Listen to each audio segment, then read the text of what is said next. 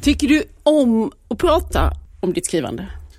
Ja, om det är rätt miljö och, och jag känner att när jag till exempel är ute och det är man ju inte nu, på bibliotek och liknande så man åker långväga och så möter man elva personer i publiken. Men om det är elva superintresserade människor så tycker jag det är jätteroligt. Rekordet är två personer plus en, en bokhandlare som inte fick så mycket sålt. Men de var jätteintresserade och, eh, helt osvenskt så satte de sig eh, längst fram bredvid varandra. De kände inte varandra. Och eh, när jag var klar med mitt föredrag där, så, vilket kändes en smula märkligt från början, men så räcker en av dem upp handen och vill fråga. Vi håller på ordningen. Jättegulligt. ja.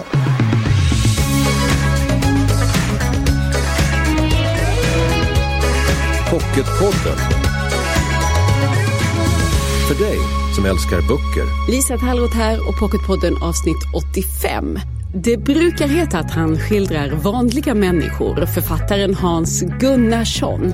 Och vem är jag då att påstå att Kurt, Kixen, Evan, Maggan eller Börje i nya novellsamlingen Bor man i Bromma inte skulle vara vanliga? För vad vet jag? Vad kan man egentligen veta om en annan människa? Det är frågan som uppehåller dagens gäst och nu börjar vi.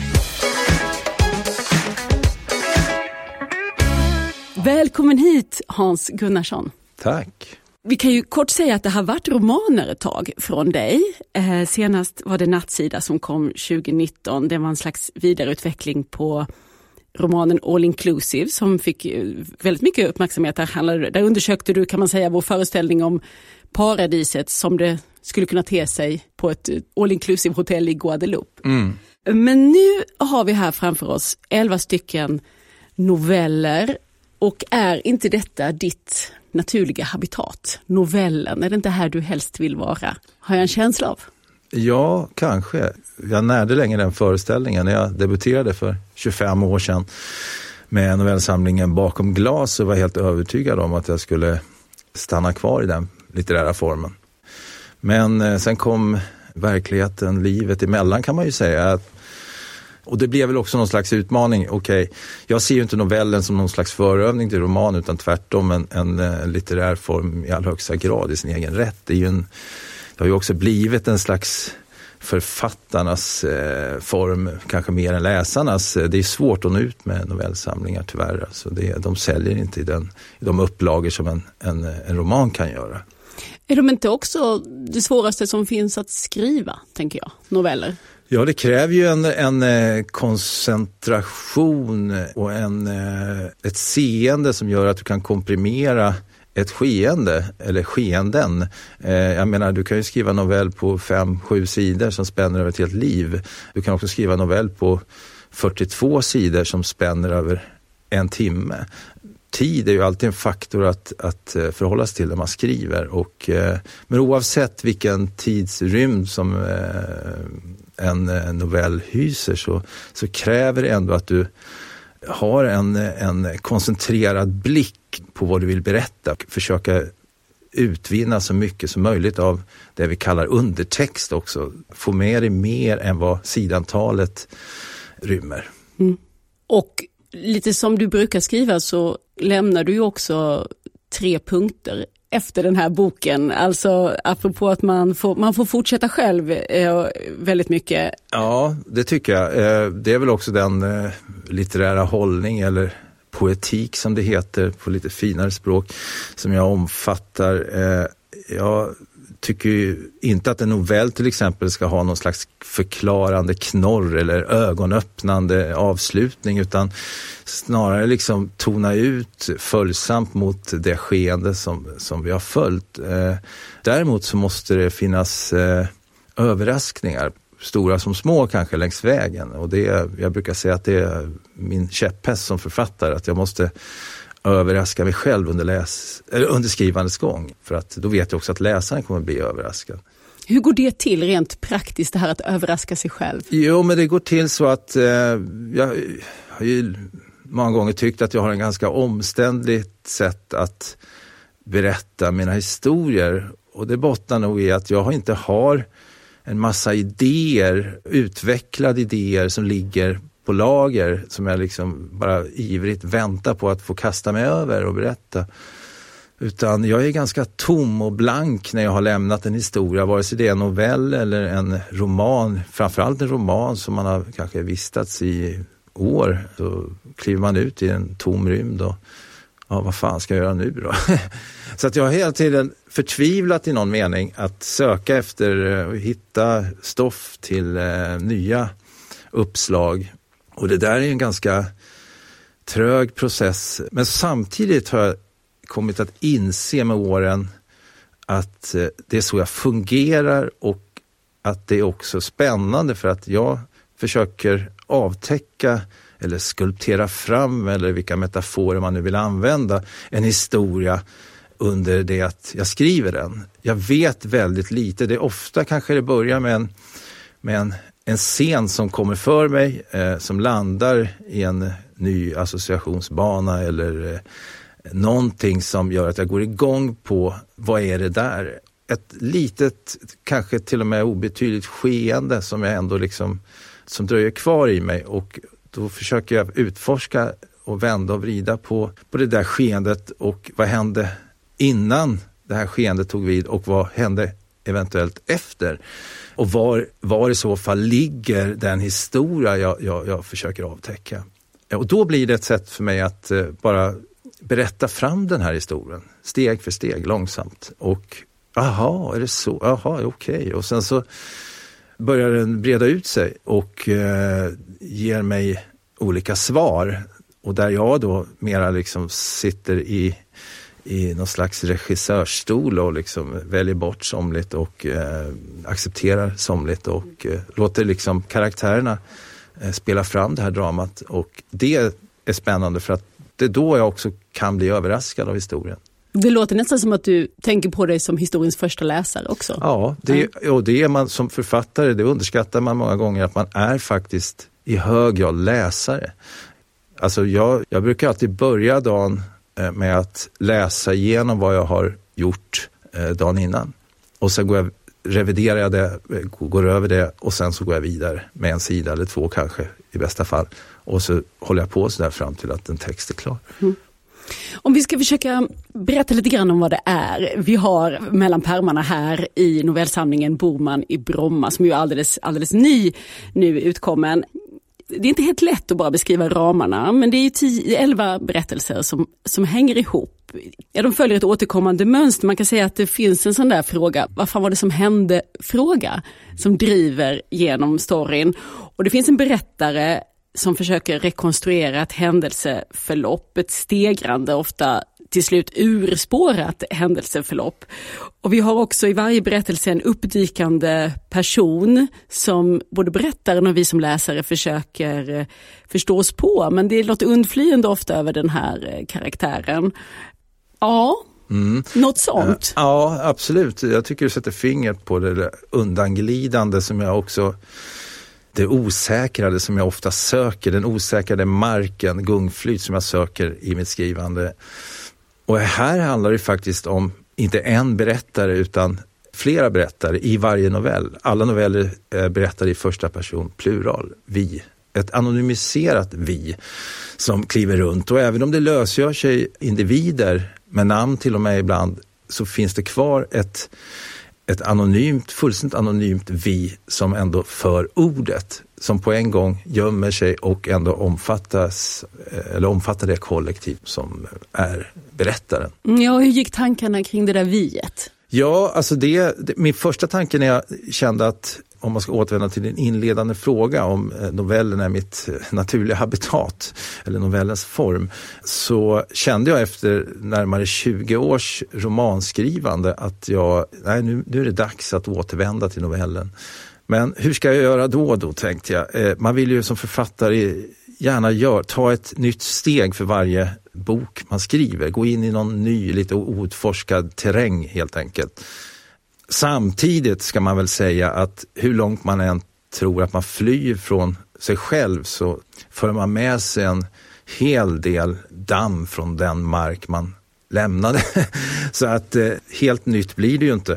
Och det ska det ju inte bli förstås heller. Men jag kände att jag ville ha en, en startpunkt för, för mitt berättande och plötsligt slogs jag av Martin Wikströms eh, målningar som frontar var och en av alla de här novellerna. Att jag känner Martin och eh, beundrar hans eh, konstnärskap, väldigt, sätter det väldigt högt.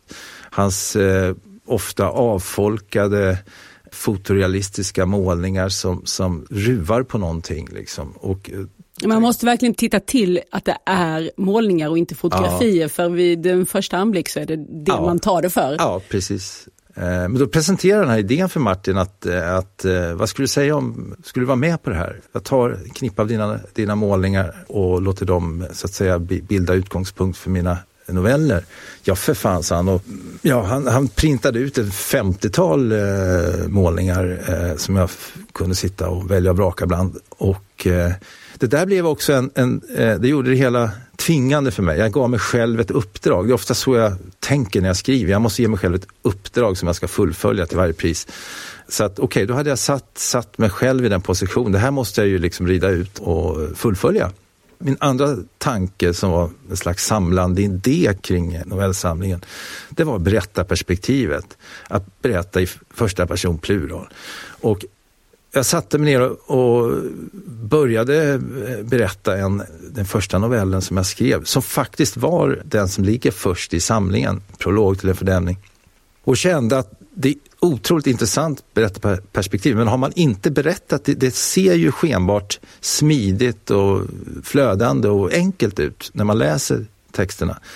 Men jag tror att alla författare åtminstone förstår att det är ett ganska knepigt berättarperspektiv som, som utesluter så mycket. Alltså det skapar en begränsning, men begränsningen är också en tillgång. Det är ganska intressant faktiskt att fundera kring. Vad kan det vara för begränsning? Ja, jag menar, det, om du berättar i första person, singular, eller eh, i tredje person, så är det en sån självklar närvaro en person som är där och som du är med i varje scen. Du har naturliga dialogpartier, du kan växla mellan dialog och brödtext, inre tankar och allt det där. Ett vi är mycket klumpigare. Eh, du kan inte ha en, en dialog med ett vi, liksom. Det, det, det funkar inte så. Det, det är också en, en viss osmidighet kanske i det kollektiv som du ska, ska dra med dig. Men det där upptäcker man först när man sätter sig och försöker skriva i det perspektivet. Att ja, men så här kan jag ju inte berätta det, jag måste berätta det från ett delvis annat håll. Och det i sin tur ger ett intressant berättarperspektiv och föder fram också många gånger en, en intressant ton. För är det någonting man söker så är det ju tonen i berättandet. Och jag tror en delvis en bakgrund till eh, att jag valde det här perspektivet. Jag minns en novell jag läste för många, många år sedan av Torsten Jonsson, som en, eller var en utomordentlig novellist. Han hade skrivit en novell som heter Gård i utkanten, där ett man ska kalla självrättfärdigt bykollektiv uppdagar en incestuös relation. Och det var någonting med den där tonen som var väldigt spännande och lite vagt humoristisk och, och liksom, ja, det, man känner att man, han utvann någonting just med kollektivets dynamik. Och eh, det var det jag ville pröva och efter att ha skrivit en och en halv, två noveller i detta perspektiv var jag beredd att ge upp. Jag tänkte att det här blir för tungt. Eh, men sen så gav jag mig fan på att jag, nej men jag, jag prövar en till ändå. Och efter att ha gjort det så var det någonting som lossnade plötsligt. Det var som att jag blev vän med det här seendet, det här kollektiva seendet. Och den här trögheten eh, ersattes av nästan en lätthet och det blev kul och lustfyllt. Liksom. Så att, ja. Vad jag tänkte på, vad det fick för effekt på mig, det var ju till slut, just eftersom det återkommer i, i alla historierna, det är ju att från att man tar det för självklart att det börjar bli något liksom lite osäkert med det där viet. Att här finns det en berättare som så gärna vill tillhöra ett vi och vill att det ska finnas en kollektiv överenskommelse, en förståelse. Mm. Och så fungerar det så sällan. Det är någon som så gärna vill, ja, just det. Ja, vill det... ta skydd av ett kollektiv. Ja men precis, det där är liksom kollektivet som konsoliderande kraft liksom. och samtidigt så är det någonting som, som eh, skaver och eh, som, som splittrar kanske det här kollektivet. Och det är ett tema för flera av novellerna hur svårt det är att hålla ihop ett kollektiv. Det är alltid någon som liksom beter sig lite annorlunda eller liksom lösgör sig på ett sätt som, som, som skapar oro i kollektivet. Men viljan att konsolidera kollektivet är ändå väldigt, väldigt, väldigt stark i de här berättelserna och det finns i slutändan alltid ett vi kvar. Även om folk har fallit ifrån. Mm. Det finns någon som hävdar ett vi i alla ja, fall. Ja, absolut, absolut. Så att, ja. Men det här med att du brukar få vara vanlighetens uh, uttolkare och riddare. Vad tycker du om de här människorna som du har eh, satt ljuset på i Boman i Bromma? Är det vanliga människor? Ja, men de, jag ger dem eh, ovanliga dimensioner. Jag, jag försöker skildra vanligheten så att den blir ovanlig. Att vi ser oss själva, eller det ju, låter ju väldigt högtravande att säga, men, men att vad är vanlighet egentligen? Vad, vad, det är väldigt många, jag går omkring och känner mig väldigt vanlig också. Men vi, är ju, vi har ju olika historier och, och referenser och, och bagage och, och seenden som eh, öppnar världen för oss alla. Liksom. Och, eh, och det är väl det jag lite grann försöker göra i den här samlingen. Att, att skildra att skenbart vanliga miljöer och människor i dessa miljöer. Men eh, det händer saker i och kring de här människorna som kanske får vanligheten att skimra eller ja, få lite ovanliga kanter. Eliminerar du därmed vanligheten? Sticker hål på den? Finns den inte? Ja, det är väl lite det jag har försökt mm. göra i, i, mitt skrivande. Jag kan reagera på ibland att, att en del, det som jag tycker är ganska vanligt, som jag inte själv framhåller i mitt skrivande som kolla här, det kan ju andra med en annan bakgrund tycka otroligt märkliga människor det här var. Liksom. Men så jävla märkliga är de inte för mig kanske. Eh, och det allt handlar ju om vilken bakgrund man har. Eh. Inte ens han som, som utvecklar ett mästerskap i att skriva miniatyrroman. Jo, absolut. Det, det är, Inte ens han ovanlig. Jo då. Nej, men, men jag kan också säga att i de här novellerna har jag ändå försökt att lösgöra mig lite mer ur eh, min egen föreställning om var gränserna går i, i, för ett berättande. Jag släppt på tyglarna lite mer och det får galoppera lite mer. Ska vi ge ett litet eh, smakprov? Vill du läsa en bit? Ja, det kan jag göra. Ska vi ge dig lite mer ljus? Det är alltid lite vanskligt att peka ut entydiga orsaker eller motiv till folks beteende. Vad vet man egentligen om en annan människa när allt kommer omkring?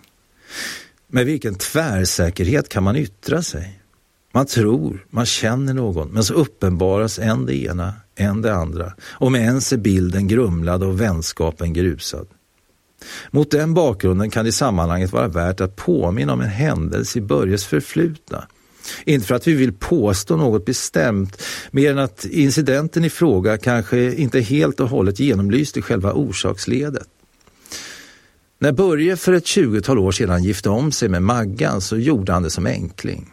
Det var också på den vägen han blev upptagen i vår gemenskap. Den framlidna hustrun var av tysk-judisk börd och hade haft en liten hund, en chihuahua som mera varit hennes än Börjes lilla älskling, för att uttrycka det en smula diplomatiskt. Under de åren bodde de i en våning på Östermalm, där Börje enligt egen utsago aldrig riktigt trivdes, född Brommabo som han var. Vistelsen på Östermalm skulle till yttermera visso få en mycket tragisk slutpunkt. En solig våreftermiddag då hustrun tränade apport med hunden i vardagsrummet och det här är helt och hållet Börjes version, råkade hon kasta ut en gummileksak genom det öppna fönstret. En pipande liten tingest som en ung kvinna som passerade på trottoaren nedanför fick i huvudet. Lätt som den var vållade den ingen som helst skada men överraskningen var väl desto större. Om vi intar gatuperspektivet för en stund kan vi föreställa oss hur den unga kvinnan plockar upp leksaken och förundrad synar den innan hon vänder upp blicken och möts av Börjes ursäktande och gestikulerande hustru som från ett fönster på andra våningen ber henne att om möjligt kasta tillbaka leksaken i fråga. Kvinnan som både är av den tillmötesgående och sportiga sorten gör faktiskt flera försök, vilket också finns dokumenterat i polisens förundersökning med resultatet att Börjes hustru obetänksamt famlande i luften förlorar balansen och faller ut genom fönstret och slår ihjäl sig mot trottoaren. Vi kan föreslå oss chocken hos den unga kvinnan, hur allt gatuliv avstannar och tystnar omkring henne. Bara de bjäbbande hundskallen som hörs från det öppna fönstret. Och Börje som kikar ut över fönsterblecket ögonblicket därpå. Ja. Det, här, det här är väldigt bra. Detta är ur um, titelnovellen ja. Borman ja. i Bromma. Precis. Den arme Börje eh, som vi får följa. Och här tycker jag... Här... Ja, det är så här, jag måste bara korrigera ja. igen, eller korrigera vill jag inte göra, men, men du uttalar Borman ja. i Bromma eh, och det kan man ju det låter som att bor man verkligen där? Eh, ett namn. Det är ett namn. Ja. Jag uttalar det Borman i Bromma. Jaha. Men eh, det är det tyska uttalet. Borman, ja för det är ju skrivet som ett, ja. eh, som ett egennamn, ja, som ett precis. efternamn. Absolut. Men, men, det är också lite, det blir en liten lek, ordlek också. Ja, Borman i Bromma, det är så vi ska uttala titeln. Om man vill, men man ja. kan säga Borman. Om man vill göra som du har tänkt. Ja, ja. ja, här får vi klart för oss det som, så som läsare och kritiker brukar beskriva dina texter, att de är överraskande. Det mm. får vi säga att det här tar en mm. överraskande vändning mm. eh, och det kommer fler i historien om Börje. Och det är skruvat, mm. kanske mer än någonsin. Det var det du ja. menade med mm. galopperande mm. den här ja, gången. Jo. Ja, precis. Men sen finns det ju ett adjektiv till som brukar dyka upp när man talar om Hans Gunnarsson och det är att dina texter är oroande. Mm, just det. Roande tillika oroande. Det där brukar vara en parförbindelse. Och det är väl någonting som jag försöker, när jag skriver, jag tror att det finns kalla underströmmar och mörka stråk under ytan i allt jag skriver. Allvaret är min utgångspunkt och botten. Men det hindrar inte att, att det finns lite varmare och skummigare vatten på ytan. Och det är min blick på livet. Livet är i grunden tragiskt. Det är min livssyn. Men just därför kanske man måste försöka anstränga sig för att också se att livet innehåller i sina beståndsdelar väldigt mycket roande element som inte på något vis är lösgjorda från det som är oroande eller mörkt och tragiskt. Och har du funderat på varför du har kommit fram till att det i grunden är tragiskt? Nej, men det, eh, som författare så, så analyserar man kanske, eller ser man snarare sina texter i ett efteråt. Och då kan man se att men fan vad det här var mörkt och, och det här, oj oj oj, det att det finns ett mörker och en, en eh, tragisk ton som man kanske inte upplevde som så mörk och tragisk när man faktiskt skrev berättelserna. Mm -hmm. Men jag vet ju att humorn är, jag ska inte säga ett redskap, men det är någonting som jag välkomnar alltid när jag skriver. Jag tänker aldrig att nu ska jag nog vara lite rolig också. Den tillkämpade humorn har jag extremt svårt för. Den som är konstruerad, den som vill att jag ska flabba, den som vill att jag som läsare ska ha roligt. Jag tycker att den bästa humorn är den som kommer i steget i en situation. Att den får vistas samtidigt som det är kanske sårigt och mörkt i rummet. Det, jag har inga problem med det.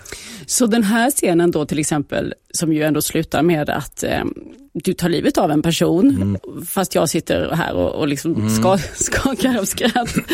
hur, hur blev den så rolig? Här ska du ta livet av en människa. Hur kom det sig att det blev så kom ja, komiskt? det tror jag handlar mycket om perspektivet återigen. Alltså att nu är det det här kollektivet som minsann har fått eh, korn på någonting här och börjar liksom lägga ett pussel och börjar iscensätta en annan människas eventuella gärningar illistigt.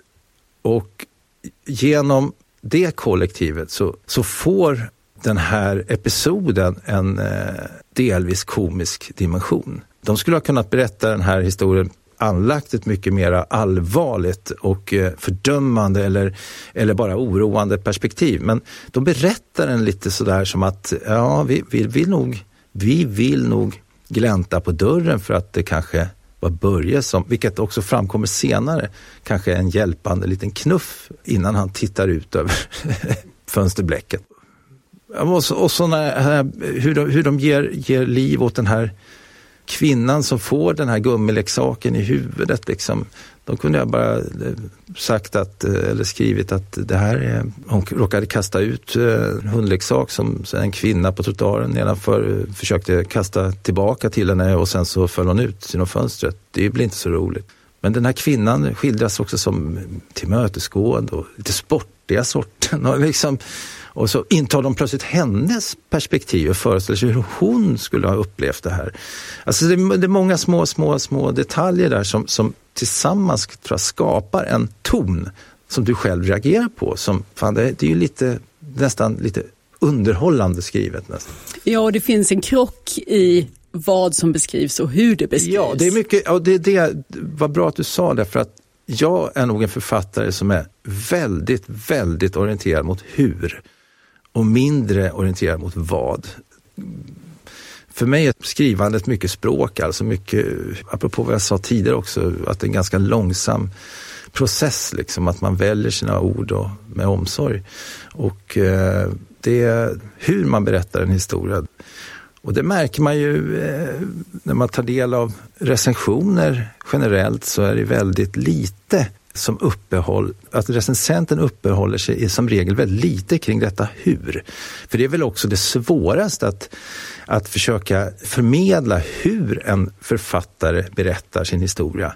Vad är ju alltid enklare och det är därför det är så tacksamt för en recensent som får en bok som har ett så tydligt ämne eller ärende och så kan man prata om, om det. Men det är mycket svårare att säga, men hur är det här framlagt? Jag har ett exempel där bara. En av de bästa böcker jag läst på många, många år är eh, Agota Kristjov trilogi. Skri den stora skrivboken? Den stora skrivboken. När jag läste recensionerna innan jag hade läst boken, stora fina eh, recensioner, otroligt eh, hyllande. Och det var, det var ju liksom exilande krigsdramat, det är liksom de stora teman som, som eh, man, man spände upp i de här recensionerna. Inte en recension som jag hade läst då berättade att det var en jävligt rolig bok. Att den hade en otroligt lättfotad kvickton som nästan lätt absurdistisk, alltså det, det, som, som bor granne lite med, eller Kafka och Beckett var, var referenser för mig i alla fall. Jag hade otroligt roligt när jag läste. Den var så djupt, djupt gripande därigenom också hur man berättar, hur lägger fram extremt eländiga Alltså ett elände, eländesskildring egentligen på många sätt. Eh, men med otroligt lätt ton och lätt hand. Mm. Och det där menar jag, liksom, där kolliderar någonting detta hur och vad. Och det är väl huret som är konsten? Ja, det är det. Precis, absolut. Och därför kanske man inte heller nu som lyssnar riktigt känner att man ens vet vad den här boken handlar om. För det, det har vi inte uppehållit oss så mycket vid de specifika berättelserna och de draman som Nej. du eh, gestaltar här. Får se om recensenterna tar fasta på det. Ja. För jag ville hänga kvar vid det här oroandet. Vill du att det ska vara oroande? Ja, det vill jag nog i någon mening. Och, eh, eller som jag sa tidigare, osäkerhet. Eh, att jag vill gärna föra ut läsaren på ett eh, litet gungfly liksom, vad, kan man lita på det här egentligen? Alltså man, eh, man tar någon i handen och sen så, så går man med. Men sen ett stycke in i en berättelse kanske man känner att man vill släppa den här handen. Liksom. Jag, fan, jag litar inte på dig längre. Alltså nu, vem är du? I det här fallet, vilka är ni egentligen? Mm. Var kommer ni ifrån? Vad, vad, vad är det som får er att uh, upphäva er stämma?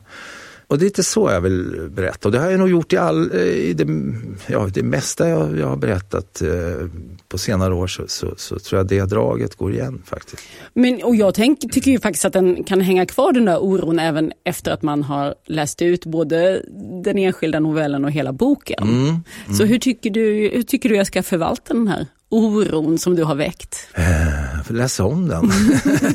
Nej, jag vet inte men jag tänker att det jo, finns ett litet uppmanande jo, i det här. Jo, men absolut. Eh, alltså de, de, de bästa texter man läser själv, alltså det är de som dröjer kvar efteråt. Va? Det måste jag säga. Och att där pusslet inte har gått ut heller helt och hållet. Det finns någonting kvar att grubbla över. Eh, det gör ju att, den, att en berättelse dröjer kvar. Också kanske just i kraft av sin ton, som hur den var berättad. Jag brukar säga att jag måste kontrollera kanske 85-90 procent kanske i bästa fall av de berättelser jag skriver. Resten, det fi måste finnas eh, eh, saker som är oklara även för mig som författare. Som, som är gåtfulla för mig, som jag inte riktigt förstår. Men om läsaren kanske förstår 70 procent så kanske jag förstår 90 procent. Men eh, ja, så, så skriver jag. Men där måste det ju smyga sig in en osäkerhet ja. för dig som eh, ja. författare här. Ja. Om, detta, om detta håller? Alltså, är det här ja, en, men det, ja, det handlar om vägval. Alltså, eh, hur långt vill jag berätta den här historien? Jag skulle ju kunna anstränga mig, kan man ju tycka, och så här, berätta den klart då. Berätta den klart. Jag vill veta, vem var det? Hur gick det egentligen? Vad, vad var det som hände faktiskt?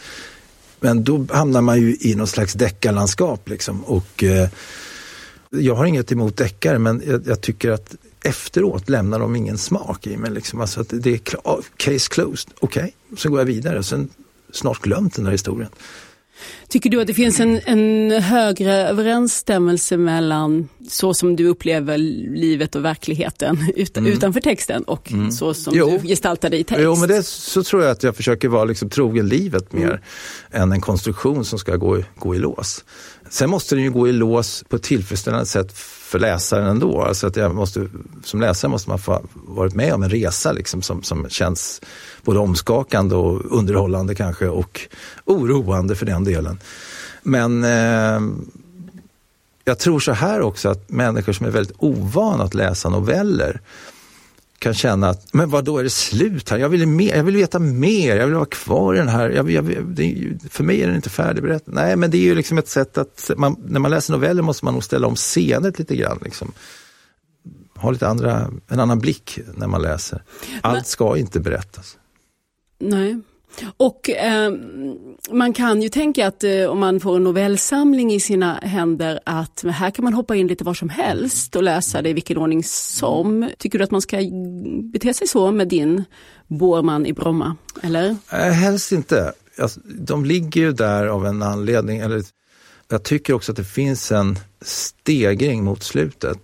Så den mår nog bra av att läsas kronologiskt ändå tror jag. Mm.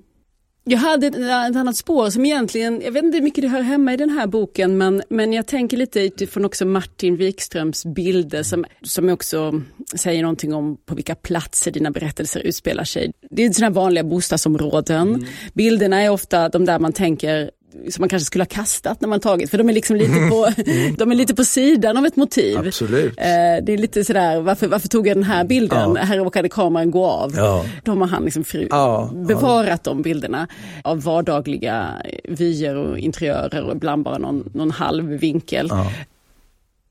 Är du intresserad av klass? Ja, eh, det är jag. Jag är ganska klassmedveten men, men klass för mig är jag kommer ju själv från arbetarklassen och eh, jag, jag, alltså min klassmedvetenhet är ju inpyrd i mitt berättande. Men jag gör aldrig klasserfarenheten som en explicit kamp i mina berättelser utan snarare ligger liksom klass som perspektiv och som, som erfarenhet ligger liksom inbäddat i mina miljöer och karaktärer. Det, det är mer indirekt och underförstått liksom, än, än att det är explicit gjort. Så när du säger klass som erfarenhet, vad är, vad är det då för någonting du... Ja men det är väl ett, eh, kallar det underifrån perspektiv då, eller som att jag, jag, de människor jag jobbar med har, eller karaktärer hur man nu vill uttrycka det, kommer från ett visst håll. Liksom, eh, som, som jag känner mig kanske både främmande och hemma inför. Liksom. Eh, jag har väl gjort en klassresa och eh, därigenom blir man klasslös i någon mening. Va? Det, det, jag känner mig inte hemma i vare sig arbetarklassen eller medelklassen. Jag vet inte var jag känner mig hemma egentligen. Men jag, har, jag, jag kan vistas i alla olika rum i någon mening. Eh, men eh, det finns ju, titelnovellerna handlar ju om människor som kanske till och med eh, sniffar på överklassen. Liksom. Eh, golfande gubbar som eh, ja, sitter och dricker konjak och, och, och sådär, planerar en resa till Bermuda. Liksom. Det är inte alla som har råd att göra det direkt. Men då gäller det att hitta deras ton. Och den tonen jag hittar är väl också någonstans också en sprungen ur, ur en viss blick. Så att, eh, men jag försöker ju alltid vara 100% lojal med dem jag berättar. Att inte försöka liksom titta ner på dem utan vara, ha hela tiden den horisontella blicken på mina karaktärer. Jag måste vara med dem helt enkelt. Skulle det vara viktigt för dig att, eh, att dina berättelser läses i den arbetarklass som du själv då kommer ur och som du ändå vill ha med i dina böcker? Ja, men alltså om man tittar på det här med klass, de klass, stora klasskildringar vi, vi, vi har i vår nutid och, och, och, i vår historia, så handlar det om människor som kanske gör en klassresa eller som är väldigt utsatta just för att de är i underklass. Det är väldigt, väldigt tydligt. Oftast blir det väldigt starkt och väldigt eh, pregnant. Liksom. Men nu är vi tillbaka där vi började lite grann. De människor som jag skildrar, det är ju de som är aldrig skildrade mer eller mindre. Va? De som aldrig får det där rummet, den där rösten. Och det kan man ju titta på politiskt idag. Liksom. Den här, de här som kanske sköter sig och betalar sina räkningar och har knegat på i alla sina dagar. Men de, de syns aldrig liksom på tv eller de blir aldrig föremål för, för, för några, några skildringar egentligen. Va? Det är de, de, de osynliga människorna som är väldigt många. Och att försöka liksom göra nedslag i den typen av, av miljöer tycker jag är väldigt spännande. Där jag försöker utvinna en dramatik ur det skenbart odramatiska och se vad fan kan hända i den här miljön och så vidare. och Så vidare. Eh, så det, apropå vad jag sa förut också, att min klasskänsla kommer inte till uttryck explicit som kamp i mina noveller, men mer som, som kanske en, en eh, jordmån. Mm. Den här alldeles nya novellsamlingen Bårman i Bromma ska nu få ges ut i världen. Den har ju också det speciella att det här är ett samarbete med konstnären Martin Wikström vars målningar både utgör omslag och din bilderbok kan man säga. Det finns, finns bilder till varje novell. Tusen tack Hans Gunnarsson för att du kom hit till Pocketpodden. Tack själv. Pocketpodden. Nästa vecka är debutanten Lina Areklev gäst här i Pocketpodden. Ur askan heter hennes spänningsroman som tar sin början i förlisningen av Estonia 1994. Och sen fortsätter berättelsen upp till Ulvön utanför Örnsköldsvik. Mer om detta nästa vecka. Tills dess följ oss gärna i sociala medier. Där heter vi Älska Pocket. Och jag heter Lisa Tarro. Hej så länge. Du har lyssnat på Pocketpodden. En podd från Bonnierförlagen.